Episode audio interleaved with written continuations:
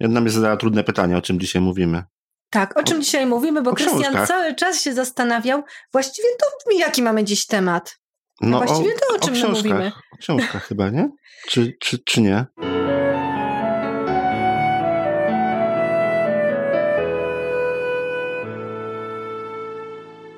Witamy w 58 odcinku podcastu Co się czyta? Joanna Furdal i Krystian Zych. A tym razem rzeczywiście mówimy o książkach. Wow, zgadłem. Zgadłeś, zgadłeś. Myślę, że to nawet nie było bardzo trudne pytanie, ale zazwyczaj mamy odcinek e, tematyczny i ten poniekąd również jest no, tematyczny. W pewnym sensie jest pewnym tematyczny, sensie. tak. Mamy tutaj sześć książek, które coś łączy. Łączy je mianowicie to, że opowiadana historia jest jedynie pretekstem do przedstawienia czegoś więcej. Więc są to książki z drugim dnem. Czyli upraszczając, książki, które mówią nie o tym, o czym mówią. Tak, dokładnie. Skomplikowałeś teraz sprawę. Są to książki, które mówią o tym, o czym tak naprawdę nie mówią. Takich książek, e, które mają do przekazania ważne treści, omówiliśmy już znacznie więcej.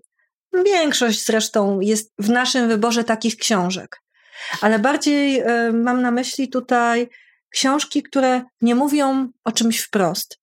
To tak jak wspominaliśmy dzisiaj o folwarku zwierzęcym, gdzie nie jest to książka o zwierzętach, chociaż wydawałoby się, że jest to książka o zwierzętach, ponieważ bohaterami są zwierzęta. I mamy tutaj kilka takich przykładów książek tego typu dla dzieci. Mam tu książkę Tam, gdzie żyją dzikie stwory. Maurisa Sendaka i jest to książka, która została napisana i narysowana w 1963 roku. I chociaż nie jest to pozycja obszerna i tak naprawdę zawiera bardzo mało tekstu, wywołała ogólne oburzenie. Wręcz był to w pewnym momencie taki skandal obyczajowy. Nie wiem, może ta żaglówka na okładce się komuś nie spodobała. Myślę, że nie chodziło o żaglówkę, tylko chodziło o przedstawienie mamy. Ponieważ mama w latach 60., wcześniej również później, była zazwyczaj przedstawiana jako osoba bardzo cierpliwa, zawsze pomocna, zawsze uśmiechnięta, a tu nagle pojawia się mama, która jest zdenerwowana. Obowiązki, które wykonuje, są dla niej zbyt ciężkie, a jednocześnie Max tego dnia jest wyjątkowo psotny. Tego wieczoru, gdy Max w przebraniu wilka wyczyniał jedną psotę za drugą, mama krzyknęła na niego: Ty dzikusie! Na co Max wrzasnął: Zjem cię! Więc został wysłany do łóżka bez kolacji. I tak zaczyna się przygoda Maxa. I tak jak tutaj zauważyłeś, jest to książka w dużym stopniu ilustracyjna, z niewielką ilością tekstu, ale tekst jest tak samo ważny jak ilustracje, a te ilustracje rozwijają się z każdą stroną. I tak jak Max miał pójść spać do łóżka bez kolacji, zauważyłeś, że ten obrazek jest już większy. I ten tak, świat... tak, właśnie jest coraz to większe te obrazki, ale tu już takich książek mieliśmy trochę, gdzie te obrazki rosły właściwie wraz, wraz z treścią, z treścią tak, wraz, wraz z rozwijaną akcją. Dokładnie. I tu te ilustracje rosną wraz z lasem, który wyrasta w pokoju Maxa aż wreszcie zaczynają zajmować coraz więcej. Zajmują jedną kartkę i przechodzą na drugą stronę.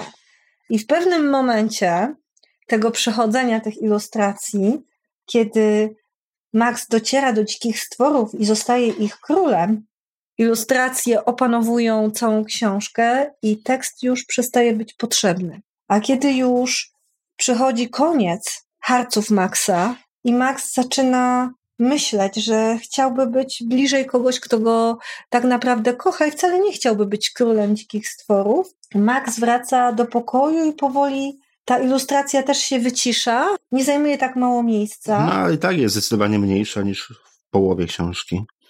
Tak, i tutaj bardzo podoba mi się to, że ten tekst uzupełnia tą niesamowitą grafikę i tak naprawdę bardzo dużo można wyczytać również z tej ilustracji i opowiadać sobie tym bardziej, że, że sam widzisz, że te ilustracje są wyjątkowo niezwykłe, a ta kreska i te wszystkie potwory, te gryfy i różne inne, wiewiórko, coś tam trudno to nazwać. Są narysowane w niezwykły sposób ale Max, który wraca do domu, nagle okazuje się, że czeka tam na niego kolacja, która jest jeszcze ciepła. I tu miałam takie pytanie od dziecka, któremu czytałam tam, gdzie żyją dzikie stwory. Dlaczego na Maxa czekała kolacja? I dlaczego Max powiedział zjemcie? I dlaczego mama po powiedziała ty dzikusie? I dlaczego mama dała tą kolację, z którą powiedziała, że nie będzie tej kolacji? I to była taka. No, brak konsekwencji jest niewybaczalny. To było takie zarzewie do dyskusji na temat tego, co mówimy w gniewie i w emocjach. I czy tak naprawdę tu w tym momencie jest to kwestia konsekwencji, czy po prostu tego, że trzeba zrozumieć, że mama mogła być zmęczona i zdenerwowana, ale mama też mogła zrozumieć to, że Max miał za mało jej w danym momencie i tego czasu i tej uwagi maminej mu po prostu brakowało. Więc jest to naprawdę świetna, wielowymiarowa książka, która jest w sumie już e, takim światowym bestsellerem dziecięcym. I mimo, że już minęło wiele lat, pierwszy raz ona została u nas wydana przez wydawnictwo Dwie Siostry dopiero w 2014 roku. Myślę, że nie ma co więcej mówić o tej książce, trzeba po prostu do niej zajrzeć, tym bardziej, że jest to książka i do czytania, i do oglądania. Jest to książka zdecydowanie dla nieco młodszego odbiorcy i myślę, że tutaj te 3-4 lata to jest taki dość dobry wiek. Chociaż nie jestem pewna, mm, czy jest to książka dla dzieci jeszcze młodszych. Ze względu chociażby na tą, na, na tą tematykę i być może nawet nie warto, gdyż y, dzieci trochę starsze właśnie będą się pytały w tym momencie, dlaczego stało się tak i tak, a znaczy, właściwie Z młodszymi dlaczego... dziećmi nie podyskutujesz już w tym momencie, nie? bo już nie, nie, nie będzie tego typu e, Jeżeli chodzi o ilustracje, to jak najbardziej, bo one są, są piękne i można w tym momencie opowiadać, dopowiadać nowe historie, ale jeżeli mówimy już o tej takiej głębszej treści, pod zastanowienie, to zdecydowanie od lat trzech.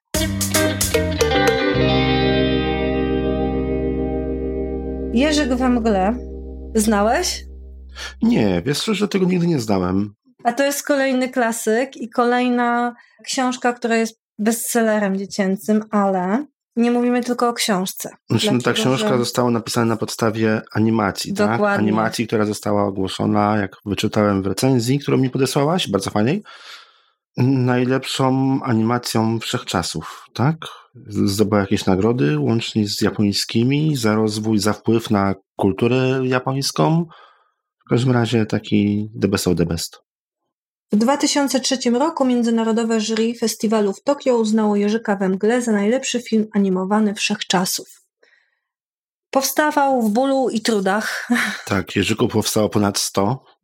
I okazuje się, że Przynajmniej tak twierdziła ilustratorka, że koniec końców oparła tą fizjonomię Jerzyka na swojej własnej twarzy.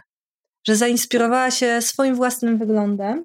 I nie wiadomo, czy to prawda, ale naprawdę Jerzyk jest wyjątkowo ludzki, a jego mimika przypomina właśnie taką mimikę dziecka trochę. Jest na pewno uroczy. Jeżeli chodzi o książkę, bo ja znam Jerzyka we mgle tylko w wersji książkowej. Myślę, że to wersję e, wideo, tą animację umieścimy na naszej stronie. Co się czyta tak, jak najbardziej. 58. Tam będzie można obejrzeć tą pierwotną, oryginalną rosyjską wersję. Chociaż Jerzyk jako książka też już nie jest nowy, ponieważ powstał w rok po e, nakręceniu filmu, więc to wszystko No tak, ale ten film lata. to już, to już 1975 rok. Tak, trochę lat temu powstał. Książka jest z 2016 roku, wydawnictwo SIDS, które zazwyczaj wydaje literaturę trochę innego typu. Tym razem mamy w odsłonie dla dzieci. I mamy oto naszego uroczego jeżyka i uroczego e, niedźwiadka, właściwie wspomnienie o tym, jak to zawsze razem siadali, liczyli gwiazdy i czyje gwiazdy były po której stronie tak naprawdę. I mamy jeżyka, który wyprawia się do swojego przyjaciela na herbatkę, który sobie myśli o tym, co, o czym będzie z tym swoim przyjacielem rozmawiał, i puchacza, który wygląda niecnie. Puchacz jest fajny. Przeczytam ten fragment, który ci czytałam. Przeczytaj. Puchacz jest, Puchacz jest, tak, Puchacz jest ciekawą postacią. Ale bardzo ciekawy jest Jerzyk, który idąc do swojego przyjaciela, rozgląda się po świecie i ciekawi go wszystko. Ciekawią go motyle, ciekawi go kałuża i to, że gwiazda się w kałuży odbija, i ciekawi go studnia. Interesuje go praktycznie wszystko, co dzieje się wokół, i naraz napotyka na mgłę. I zamiast poczuć niepokój, bo widzi konia we mgle i zastanawia się, czy jeżeli koń położy się spać w tej mgle, czy to w niej utonie. Więc co robi? Wkracza dzielnie we mgłę, żeby przekonać się, co w tej mgle może go spotkać. I nagle okazuje się, że świat wygląda zupełnie inaczej. Właściwie nie wygląda wcale i wszystko jest takie niepokojące, łącznie ze znanymi mu motylami. Gdzieś tu we, we mgle nagle ktoś coś wychyla się. Wychyla się głowa konia, ale też wychyla się głowa puchacza. Ja tutaj, czytając po raz pierwszy tą książkę, pomyślałam sobie, że może skończyć się to źle dla Jerzyka, albo może się skończyć jakąś dramatyczną walką, ucieczką. A ten fragment brzmi tak. Z mgły, jak przez lufcik, wyjrzał puchacz. Zahuczał. Uhu, uhu, uhu, uhu. I rozpłynął się we mgle. Świr, pomyślał Jerzyk. Podniósł z ziemi suchy patyk i macając nim mgłę, ruszył przed siebie. To takie, takie nieoczywiste zakończenie tej historii. Ale też no doceniam, tak, no po tym puchaczu można by się czegoś innego spodziewać. Doceniam niesamowite poczucie humoru i ciepło bijące z tej opowieści. Tym bardziej, że kształty, które tworzy ta mgła, są naprawdę przerażające. I tutaj widać to e, na niektórych e, stronach. Mnie osobiście bardzo podobają się te ilustracje. Są takie malarskie, są to oryginalne ilustracje, takie jak w tej pierwszej książce, tutaj stworzone przez tą ilustratorkę. Więc na pewno zadowolą wielbicieli takiego podejścia do ilustracji sprzed y, kilkudziesięciu lat, takiego właśnie z jednej strony realistycznego, takiego pięknego. No, to trzeba zobaczyć po prostu. Ale w pewnym momencie cała ta przygoda przestaje być już taka ekscytująca, a może staje się za bardzo ekscytująca, bo Jerzyk wpada do, do wody. Już wie, że się zgubił, ale wpada też do wody. I nagle ktoś mu pomaga. Jerzyk nie bardzo wie, kto to jest, ale to na pewno jest ktoś, który mówi bez słów. I Jerzyka zwyczajnie podnosi z tej wody i podwozi. Można się domyślić, że jest to mieszkaniec y, głębin. Kiedy wreszcie Jerzyk dociera do swojego przyjaciela niedźwiadka, to widać tutaj, y, w jakim jest szoku po tych wszystkich swoich przygodach przeżytych. Jego mina jest tu bezcenna. No, ale dotarł. Ale dotarł. Ta końcowa scena to jest to paplanie tego misia i to zastanawianie się nad tym wszystkim Jerzyka, co właściwie przeżył.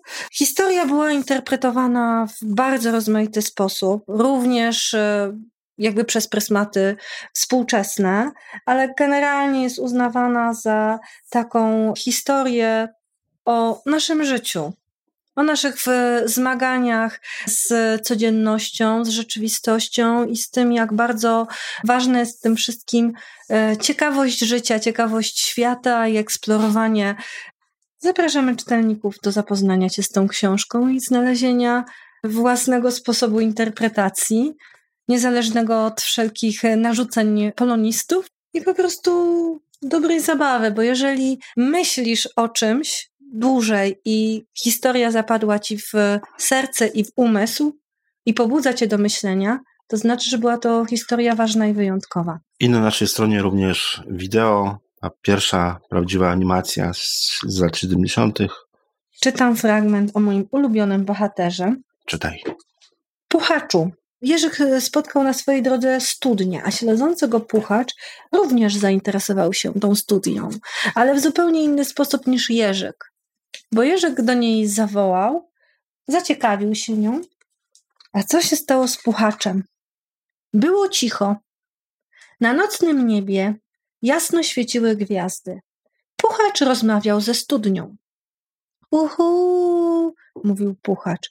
Uhu, odpowiadała studnia. Uhu, wołał puchacz. Uhu, huczała studnia. Uhu, uhu, hu, hu. Uhu, hu, hu, hu, hu. I tak się skończyła ta historia. Myślę, że puchacz do tej pory rozmawia z tą studnią.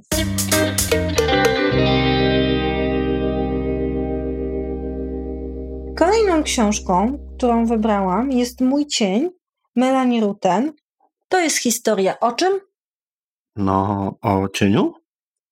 A, a mamy dzisiaj książki, których tytułami nie warto się sugerować, ponieważ jest to historia o zmartwionym jeleniu, króliczku, który chciał dorosnąć, o żołnierzu, który stale prowadził wojnę, o kocie, któremu ciągle śniło się to samo, o książce, która lubiła wiedzieć wszystko i o cieniu. O, czyli też o cieniu. W pewnym sensie też o cieniu. No to prawie zgadłem. I tutaj mamy kilka historii. Mamy między innymi historię jelenia, który znalazł na swoim progu małego króliczka i którym się zaopiekował, którego pokochał, ale jednocześnie wiedział, że króliczek w pewnym momencie musi dorosnąć. I nagle opowieść przeskakuje w jakąś taką inną sferę. Opowieść prze, przeskakuje w inny moment i mamy tutaj żołnierza. Widać na obrazku, że jest to dziecko z drewnianym mieczem, ale żołnierz znajduje króliczka. Czyli nie wiemy, co się stało w międzyczasie. Dowiemy się później. I tutaj już ta narracja jest y, zupełnie inna niż y, narracja książek dla dzieci, gdzie rzeczywiście w pewnych rzeczy dowiadujemy się po jakimś czasie. I chociaż jest to historia, gdzie w pewnym momencie spotyka się żołnierz, króliczek, kot i postanawiają wybrać się na wielką e, wyprawę, to nie jest to opowieść łatwa. I kiedy oni się już spotykają, nagle się pojawia kolejny bohater, kolejny rozdział, książka. I dowiadujemy się, że książka spotkała jelenia, który bardzo tęskni za króliczkiem i opowiada o pewnym żołnierzu, który bardzo ją zranił, skrzywdził. Więc dowiadujemy się pewnych rzeczy, które wydarzyły się prawdopodobnie wcześniej. Zazwyczaj w książkach dla dzieci nie ma takiej narracji szarpanej. No nie, z reguły nie. Z reguły jest wszystko po kolei. Więc już to jest właśnie takie ciekawe. Tutaj z wspólnych y, rozmów w nocy dowiadujemy się coraz większej ilości szczegółów. Dowiadujemy się, co mogło spotkać żołnierza, co tak naprawdę wydarzyło się pomiędzy jeleniem a króliczkiem i co dręczy kota. A co dręczy kota? Kota dręczy pewien sen. To co robimy, pyta kot. Zakładamy drużynę, odpowiada żołnierz. Mówiłem przecież. Po co? Żeby pokazać, że się nie boimy tego, no, wspinania się na wulkany, kończy za niego króliczek. Tak, nie boimy się wspinania na wulkany, krzyczy żołnierz. I to jest takie właśnie e, bardzo dziecięce spojrzenie na, na rzeczywistość, gdzie tak naprawdę nie wiadomo, po co zakładają tą, tą drużynę, ale ta historia jest trochę e, na pograniczu snu. W międzyczasie pojawia się odpowiedź na pytanie, co się stało i dlaczego króliczek opuścił jelenia. Czy zawsze będziemy razem? Tak. Ale tak zawsze, zawsze? Pewnego dnia dorośniesz ale i tak będziemy razem. Na zawsze pozostaniesz w moim sercu. Ty umrzesz? Na razie nie, ale kiedyś, no kiedyś tak, to normalne. Wtedy też będę nadal w twoim sercu? Ja będę zawsze w twoim. Czyli nie będziemy razem, mówi króliczek. Skoro nie zostaniemy razem na zawsze, to muszę nauczyć się, jak żyć w pojedynkę i jak być dorosłym. Króliczek jest obrażony. I stąd właśnie wynikła cała ta historia. Ten fragment mówi o czymś, co jest bardzo ważne w tej książce, czyli o takiej potrzebie dorastania i o tym dorastaniu, rozumieniu pewnych sytuacji jest znacznie więcej, chociaż w taki nienachalny, bardzo symboliczny sposób. I tak jak tutaj przyjaciele postanowili, tak też się wybrali na ten wulkan. I mamy tutaj ilustrację, która pokazuje to ich wielkie zwycięstwo. Ale też się można domyślić, że ten wulkan jest taki bardzo wyobrażeniowy i taki symboliczny. Tym bardziej, że w momencie, w którym już im się udaje, coś się zmienia. Żołnierz zdejmuje e, swój hełm i okazuje się, że jest dziewczynką. Bardzo sfrustrowaną dziewczynką, która ma dwa domy ciężko jej przeżyć fakt, że musi żyć w tych dwóch domach, bo jej rodzice nie mogą mieszkać ze sobą. Tytuł Mój cień dotyczy pewnego cienia, który czaił się zawsze w mroku i który był widziany przez jelenia i którego jeleń się obawiał. I w pewnym momencie też zostaje wyjaśniona zagadka, czym jest ten cień, ale nie będziemy też e, tutaj e, mówić, czym jest tak naprawdę cień lub kto jest cieniem i jak cała ta historia się skończy. Jednak wszystkie opowieści w pewnym momencie łączą się, a bohaterowie się spotykają. I nagle okazuje się, że jest to historia o żołnierzu, który już nie jest zły, o książce, która dowiedziała się czegoś nowego, o kocie, który dokończył swój sen i niedźwiedzicy, która cicho czuwa nad nocą i maluchami. I można by już omawianie tej książki na tym zakończyć. Dla jakiego wieku jest ta książka? Myślę, że już dzieci czteroletnie chętnie będą słuchać jej i oglądać, bo nie mówiliśmy nic o ilustracjach, a jest to dosyć ciekawa książka, zarówno pod względem układu tekstu, jak i ilustracji ponieważ nie mamy tutaj standardu pod tytułem, że ilustracja z jednej strony, z drugiej strony tekst, albo ilustracja do góry, a tekst pod spodem, tylko ten tekst łączy się i czasami nawet podkreśla ilustrację. Jak tutaj mamy taką skarpę, to tekst też pojawia się w postaci takiej skarpowej i pod każdą z ilustracji znajduje się czasami jakiś drobny tekst i to daje takie wrażenie troszkę komiksowości. Chociaż nie mamy tutaj chmurek, jednak zdarza się tutaj strona z tekstem, żeby znowu pojawił się rozdział, gdzie mamy drobne ilustracje, a pod każdą ilustracją jest y, tekst. I zauważyłam, że to się bardzo e, sprawdza, jeżeli chodzi o odbiór. Bo natychmiast jest tu palec przyłożony i czytamy, co tu się dzieje, i to też e, ułatwia zrozumienie tej treści, która nie jest treścią łatwą.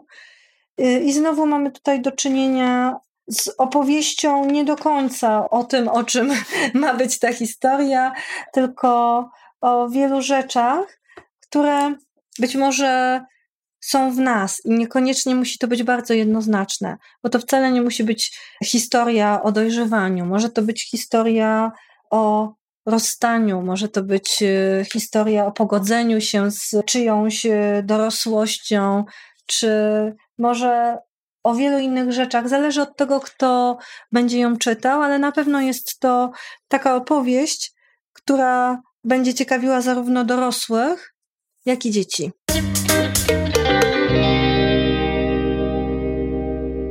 Dom, który się przebudził, Martina Widmarka, ilustrowany przez Emilię Dziubak. I mamy tutaj bohatera, Larsona.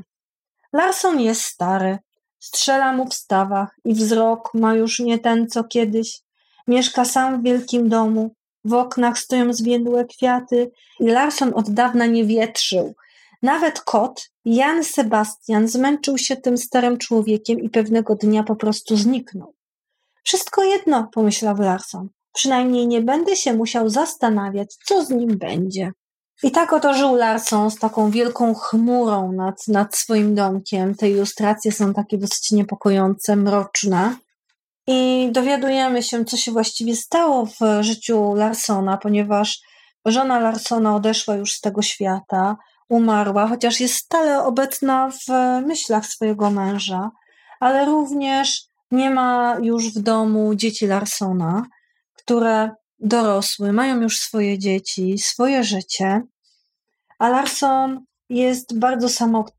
Codziennie wykonuje te same czynności, często właśnie jeszcze pogrąża się w takich wspomnieniach o swoim dawnym życiu, przyzwyczajeniach związanych z własnymi dziećmi, ale tak naprawdę każdy dzień Larsona jest taki sam i mamy takie wrażenie, że tutaj dom Larsona jest martwy, tak jakby spał, jeszcze się nie przebudził. I tak to wygląda, aż do momentu, kiedy do jego drzwi puka mały chłopiec. I ten chłopiec powierza Larsonowi niezwykle ważną misję, ponieważ Larson ma się zaopiekować jego roślinką. Tylko, że... Prawie roślinką, tak? Z tego, co mówiłaś. Tak, tylko że tam nie ma roślinki. To jest tylko doniczka z ziemią. I nagle Larson staje się odpowiedzialny za wykiełkowanie tej roślinki, która jest w ziemi, ale jeszcze nie wykiełkowała. I na początku był bardzo zły i chciał nawet wyrzucić do śmieci nowy przedmiot. W kuchni doniczka stoi dokładnie w tym miejscu na stole, w którym ją zostawił. Larson nastawia kawę i wyciąga kilka sucharków. O tak, tam możesz stać, mówi, przez ramię do doniczki. Larson dodaje do kawy odrobinę mleka i siada przy stole. Mm, nie prosiłem cię, żebyś tu przyszła. Larson popija kawę i je sucharki. Tak właściwie to powinienem cię wyrzucić do śmieci, mówi do doniczki. Ale wtedy oczywiście chłopiec byłby smutny. No i tak doniczka zostaje u Larsona. I nagle okazuje się, że taka doniczka, taka roślinka, która jeszcze nie wykiełkowała, to przecież potrzebuje powietrza, więc trzeba dom przewietrzyć. Taka roślinka w ogóle ma wiele potrzeb i okazuje się, że potrzebuje też światła, więc trzeba odsłonić zasłony. I nagle wraca stały mieszkaniec i rezydent domu, ten zeszmaciały kotu, sierściuch paskudny, który zostawił Larsona, Wraca Jan Sebastian. Kot odpowiada miałknięciem i przyciąga się. Larson głaszcze swojego kota i nalewa mu trochę mleka na spodeczek, a potem jedzą razem śniadanie. Larson zauważa, że zielony listek trochę bardziej wystrzelił w górę. Jak się okazuje, wszystkie zmiany bardzo dobrze robią roślince. Więc nagle Larson zaczyna zamiatać, myć szyby, odkurzać, aż wszystko lśni, a roślinka wraz z mijającymi dniami rośnie i staje się coraz większa i większa.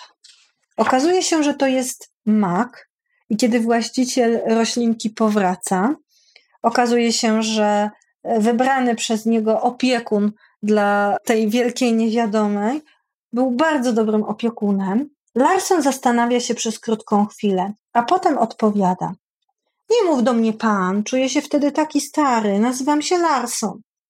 Larsonie, masz ochotę na kieliszek wina? Larson kiwnął głową. Tylko włożę marynarkę. Potem przechodzą przez furtkę w żywopłocie Larson i chłopiec z makiem.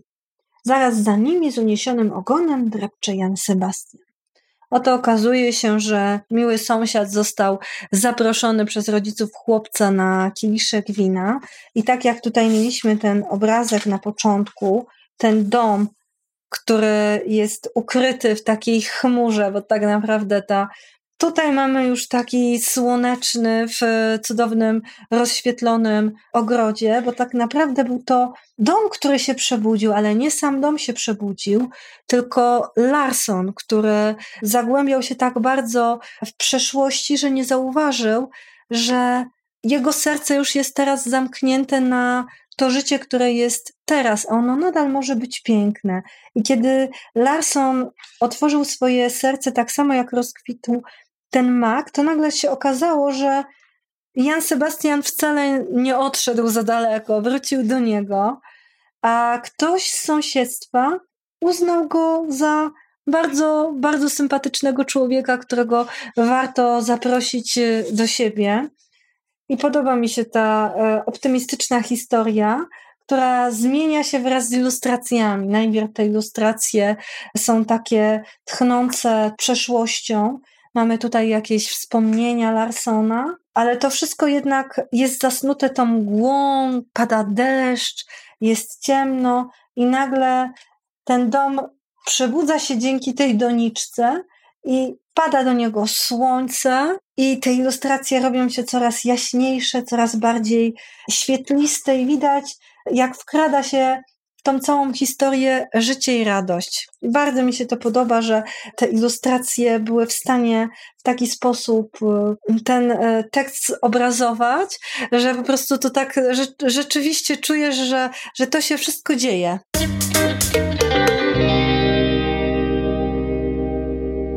Mamy tutaj jeszcze bardziej zakręconą historię, o której. O gęsi, która chciała być obiadem, tak? Jak ty wszystko potrafisz prosto, jednoznacznie ująć. No tak to Bez zagłębiania się. Tak, w pewnym sensie tak. A niech to gęś kopnie Marty Guśniowskiej. Książka, na którą trafiłam niedawno. I jest to książka z wydawnictwa Taszka, 2017 rok, czyli bardzo świeże wydanie. Podobają mi się ilustracje Roberta Romanowicza, takie bardzo w stylu retro, i tutaj w pewnym momencie poznajemy mm, też niedźwiedzia dżentelmena i niedźwiedzia dżentelmena polubisz również. Dobrze. Gęś jaka jest, każdy widzi. Zwykle domowa, bo gęsi to wielkie domatorki. Szalenie cenią sobie ciepło domowych pieleszy i wieczory spędzane na kanapie z książką i miseczką parującej owsianki. Często bywają dość tłuste, bo od spacerów na świeżym powietrzu wolą obfite kolacje. Mają zabawne kłapiaste stopy, zupełnie bez powodu. Niektórzy mówią, że to po to, żeby im się lepiej pływało, ale ja myślę, że to wyłącznie po to, ażeby było śmieszniej. Gęsi mają jeszcze jedną charakterystyczną cechę wrodzoną skłonność do szarogęszenia się, czyli wściubiania dzioba w nie swoje sprawy. Takie są właśnie typowe gęsi. Zdarzają się jednak wyjątki. Sama znam ich co najmniej kilka. Chociaż właściwie to znam tylko jeden, ale za to jaki? Zaraz wam o tym opowiem. Gęś owa była inna niż wszystkie. Po pierwsze dlatego, że była strasznie chuda i to nie tylko w okolicach szyi, przełyku i kostek, ale i w pasie. Brzuch miała wręcz zapadnięty, a postrzępione, sterczące z niewielkiej główki piórka dodawały jej tyleż oryginalnego, co komicznego wyglądu. Charakter również miała nietypowy. Nie tylko nie potrafiła się szarogęsić, ale też nie gęsiła się w żadnym innym kolorze. A jakby tego było mało, miała olbrzymią, pierzastą, okrągłą i czarną depresję. I taka jest właśnie nasza gęś. Uwielbiam styl tej opowieści. Tekst jest niezwykły i znajdujemy tutaj często zdania, których już y, nie widzimy w literaturze, już zwłaszcza w literaturze dla dzieci, bo język jest wyjątkowo wysmakowany. Często tutaj autorka używa takich wyrażeń już dla nas archaicznych, ale też wyjaśnia je. Zresztą wyjaśniła również słowo depresję.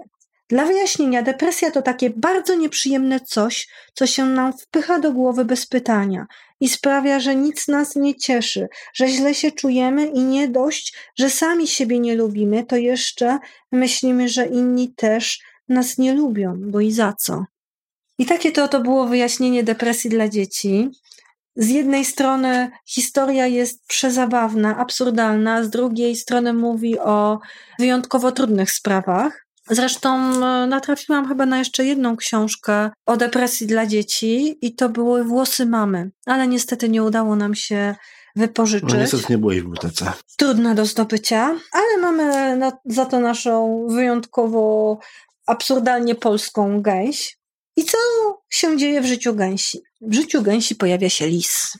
Można by powiedzieć, że się to skończy dla gęsi źle, ale lis przychodzi po jakąś tłustą i smaczną kurkę. Wcale nie interesuje się chudą gęsiną. Ale gęś upiera się, więc lis ucieka bez łupu i głodny, a za nim rusza trop w trop gęś, która pragnie zostać obiadem lisa. Jednak lis za bardzo nie chce zjeść gęsi, a gęś zaczyna z tego powodu cierpieć. Po raz kolejny została odrzucona. Lis postanawia zaprowadzić ją do wilka, gdzie gęś ma zostać przyrządzona, ale gęś zamierza się przyrządzić według własnego przepisu w sosie własnym. I tak oto ruszają przez las do wilka, a droga do wilka jest daleka. I w pewnym momencie natrafiają na staw. A niech to ja kopnę, ale wielgachna kałuża, mogę się w niej wykąpać? Lis spojrzał na nią z niesmakiem. Stawie, pouczył. Co wstawisz? Gęś nie rozumiała, o czym mowa. Wstawie, powtórzył lis wyraźniej. To staw jest.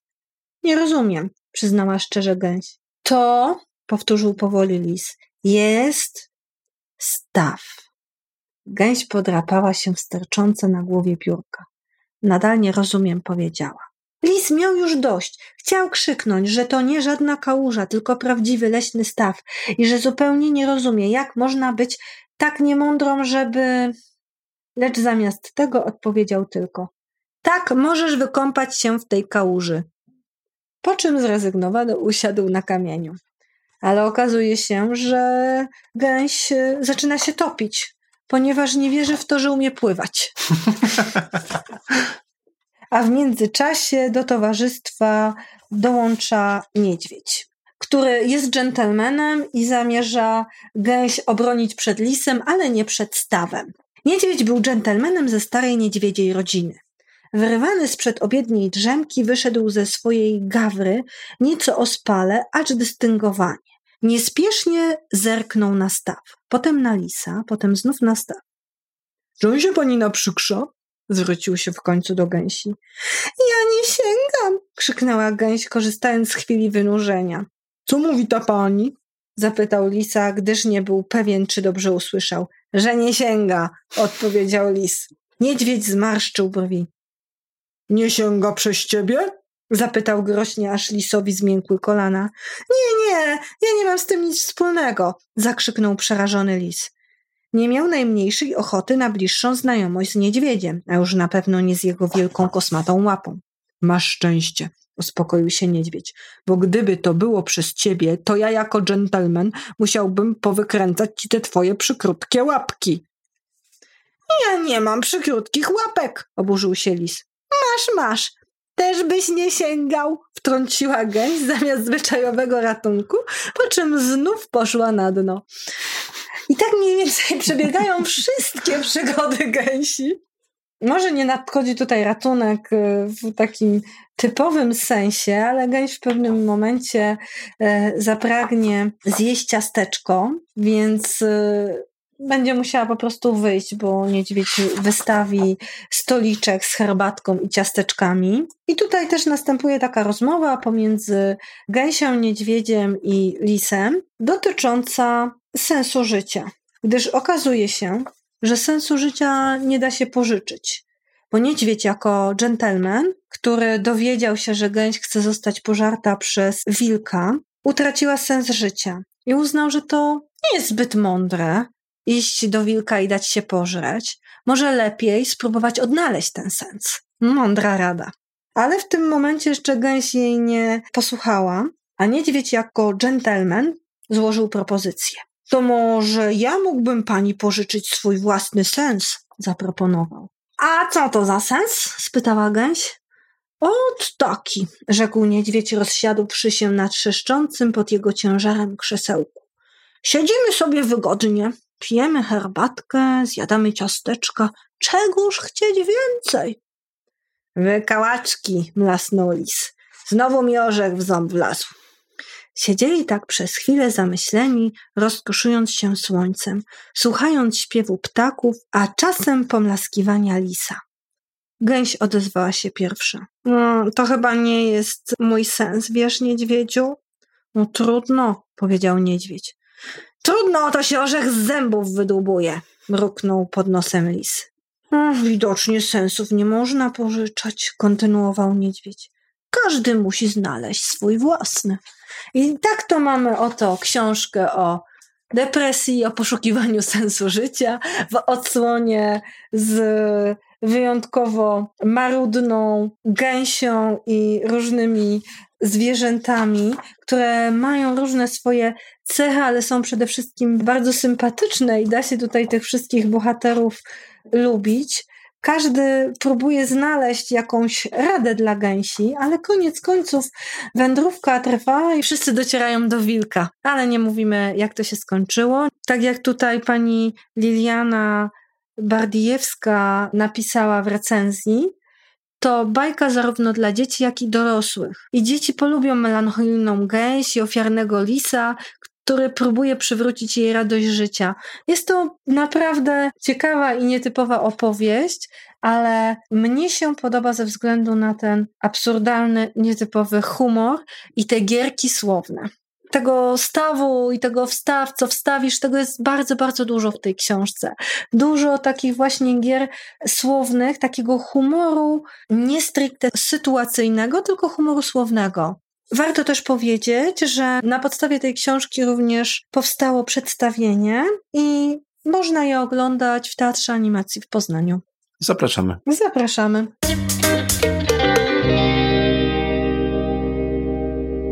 Ostatnia książka. Właściwie to mogłaby być każda książka tej autorki. Moim zdaniem. Bardzo lubię Katie Camilo. Mam tutaj e, w ręku magicznego słonia, chociaż pewnie autorka bardziej jest znana z dzielnego Despero, może nawet nie z książki, tylko bardziej z ekranizacji. Od razu mówię, że treść książki i treść ekranizacji, czyli bajki powstałej na podstawie tej książki, nie jest spójna. Więc są to dwie różne historie. Często tak jest. Do pewnego momentu jest to bardzo spójne, aż nagle się okazuje, że to są dwie różne historie. Czy nawet zaczęto w pewnym momencie podpisywać, czy też tłumaczyć e, filmy jako nie na podstawie książki, tylko na motywach. I też bym tak e, tutaj określiła. Chociaż e, były w pewnym momencie też wydania tej książki z okładką filmową.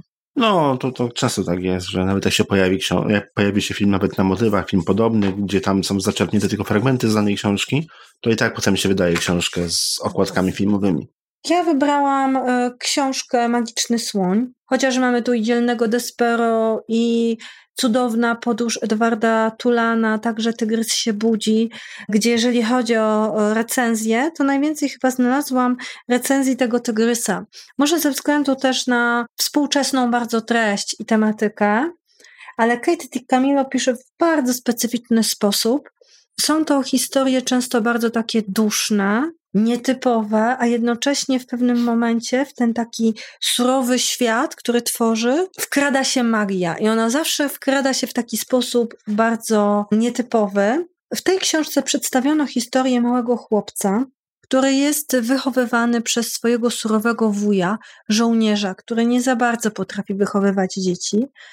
Jego rodzice nie żyją, jednocześnie chłopiec cały czas wierzy, że żyje jego siostra. Historia przedstawiona jest też alternatywnie z punktu widzenia tej siostry, która czeka w e, zakładzie zajmującym się sierotami, aż ktoś ją odnajdzie, bo wierzy, że nie jest sama na świecie. Piotr tak bardzo wierzy w to, że jego siostra żyje, że wybiera się w pewnym momencie do wróżki. Piotr poczuł nagle ukucie strachu. Co będzie, jeśli po tylu latach nie zniesie prawdy? Co będzie, jeśli tak naprawdę nie chce wiedzieć? No pytaj. Moi rodzice, powiedział Piotr. To jest twoje pytanie, oni nie żyją. Chłopcu zadrżały ręce.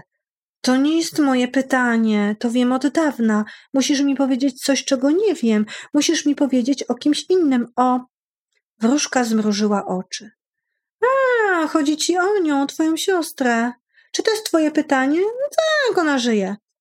Serce Piotra kurczowo uchwyciło się tych słów. Ona żyje, żyje. Nie, nie. Przymknął oczy i spróbował się skupić. Jeśli ona żyje, muszę ją odnaleźć. Pytam cię, jak mam trafić tam, gdzie ona jest. Czekał z zamkniętymi oczami. Słoń, powiedziała wróżka. Co? Zdumiał się Piotr. Otworzył oczy, pewien, że się przysłyszał. Musisz iść za słoniem, powiedziała wróżka. On cię zaprowadzi. I rzeczywiście, chociaż e, to wszystko, co się dalej dzieje, jest bardzo nieoczywiste. Słoń rzeczywiście się pojawia, zostaje on sprowadzony przez magika, który miał tylko wykonywać magiczne sztuczki, a nagle sprowadził słonia, sprowadził go do samego środka, jak to się mówi, otwarcia sezonu, jednocześnie sprowadził go tak nie, nieszczęśliwie że skrzywdził pewną damę, która od tej pory musiała jeździć na wózku. bo została zwyczajnie w świecie przygnieciona dużą ilością słonia. Nie będę opowiadała tej e, historii, jest tutaj dosyć dużo treści. Jest to książka e, zdecydowanie dla nieco starszego czytelnika. I myślę, że tutaj też mamy wiek 8 lat, 9. Bardzo piękne ilustracje Yoko Tanaki, czarno-białe, dosyć mroczne, też z pogranicza snu, uzupełniają tą historię, chociaż nie ma tej ilustracji zbyt dużo. Bardzo pod, podoba mi się też jeden fragment, który został wypowiedziany w pewnym momencie przez magika. Magia jest zawsze niemożliwa, powiedział magik. Zaczyna się od niemożliwego i kończy się na niemożliwym, a pomiędzy też jest niemożliwe, dlatego jest magią. Nie powiem, jak to wszystko się skończyło, jednak rzeczywiście możemy już tutaj zdradzić, że wróżka miała swoją moc i była zdecydowanie wróżką bardzo magiczną, ponieważ przewidziała to, co jest niemożliwe, czyli pojawienie się w tej historii słonia. A to, o czym ta historia opowiada, jest napisane z tyłu książki. Czyli nie trzeba czytać książki, wystarczy z tyłu fragment na okładce. Cóż, no na pewno jest to książka o nadziei, tęsknocie i pragnieniach, ale myślę, że w tego typu pozycjach każdy powinien sam sobie odpowiedzieć na pytanie właściwie, o czym to jest książka. Tak dla niego. I o takich oto trudnych książkach, które są praktycznie o wszystkim, a tak naprawdę o czymś innym dla każdego z jego punktu widzenia, zakończyliśmy. Wszystkie książki na co się czyta.pl kośnik 58 a w następnym odcinku za dwa tygodnie niespodzianka. Dokładnie.